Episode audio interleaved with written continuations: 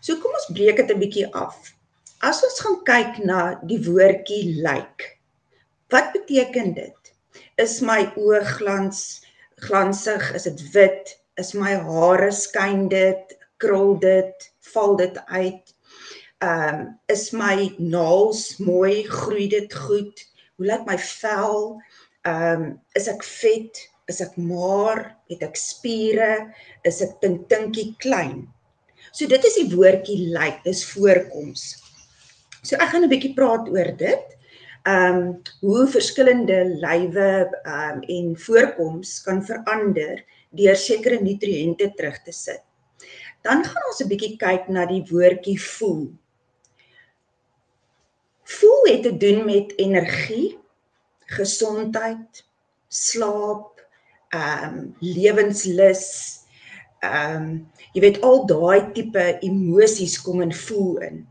Nou as jy goed voel, dan gaan jy goed lyk. Like. As jy goed lyk, like, gaan jy goed voel.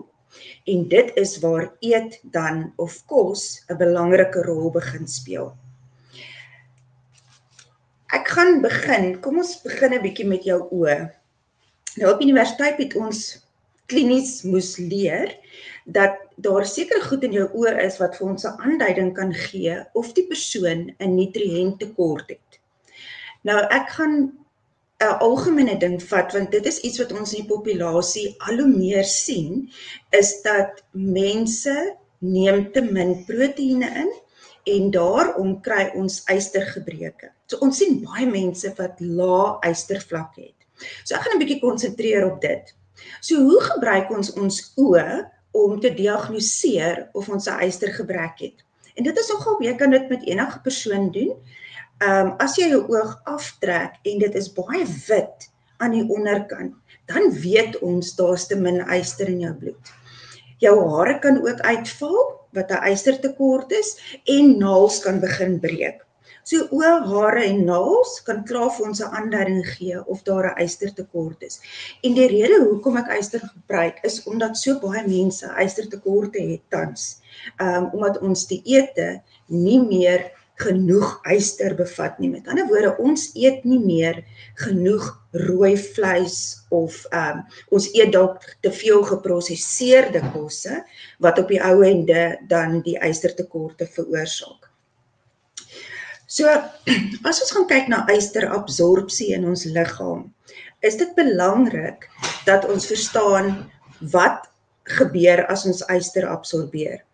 Um baie mense sal sê spinasie um is 'n goeie bron van yster. Maar spinasie se yster word glad nie in jou liggaam geabsorbeer nie. Inteendeel, as jy spinasie saam met vleis eet, beteken dit daai spinasie, die fitate in die spinasie, gaan die yster in die vleisabsorpsie verminder. So wat moet ons eet? Ehm um, sodat ons hoë ystervlakke het, want dit gaan ons dan ook beter laat voel, meer energie hê. As jy 'n stukkie vleis bestel, rooi vleis, eet altyd saam met dit 'n tamatie basis sous want die Vitamiene C in die tamatie veroorsaak dat ons die yster dan beter absorbeer. Moenie 'n kaassous of 'n mushroom sous opsit nie want die melk verlaag die eie um, ysterabsorpsie. So as jy ook um, puddings of melkprodukte gebruik um, terwyl van as jy rooi vleis eet, probeer dit altyd 2 ure voor of 2 ure na doen anders te beïnvloed jy jou ysterabsorpsie. Die ander ding wat geweldig belangrik is met ysterabsorpsie is ons maag. As jou maag te veel suur het, gaan dit ook beteken dat jy nie yster effektief absorbeer nie. En dit sien ons baie met stres. Mense wat geweldig stres, kry maagsere, dit kan bloei, maar die maag raak van so aard dat hy nie yster kan absorbeer nie. En dan is dit 'n sneeubal na verkeerde rigting. So daar het ons nou nou die oë, die hare en die naels gekyk en ons het dadelik sommer eyster uitgesorteer. Verder waarna jy kan kyk is jou vel. As jou vel droog begin raak, dan weet ons daar is 'n tekort aan olies in jou liggaam en spesifiek omega-3 olies. Nou ek dink almal is nou al so foos gepraat oor omega-3 en visolies en jy weet hierdie olie en daai olie Dit is ons weet dit en ons drink tablette daarvoor. Maar op die ou ende is dit belangrik dat ons wel die vars produk inkry. Met ander woorde, ons moet vis inkry. As ons nou omega 3 gaan kyk, dan kry jy dit ook in avokado neutolies. Ehm um, en dit kan afgebreek word en in visolies kry ons dit. So ons almal weet al van EPA. Dit is 'n visolie.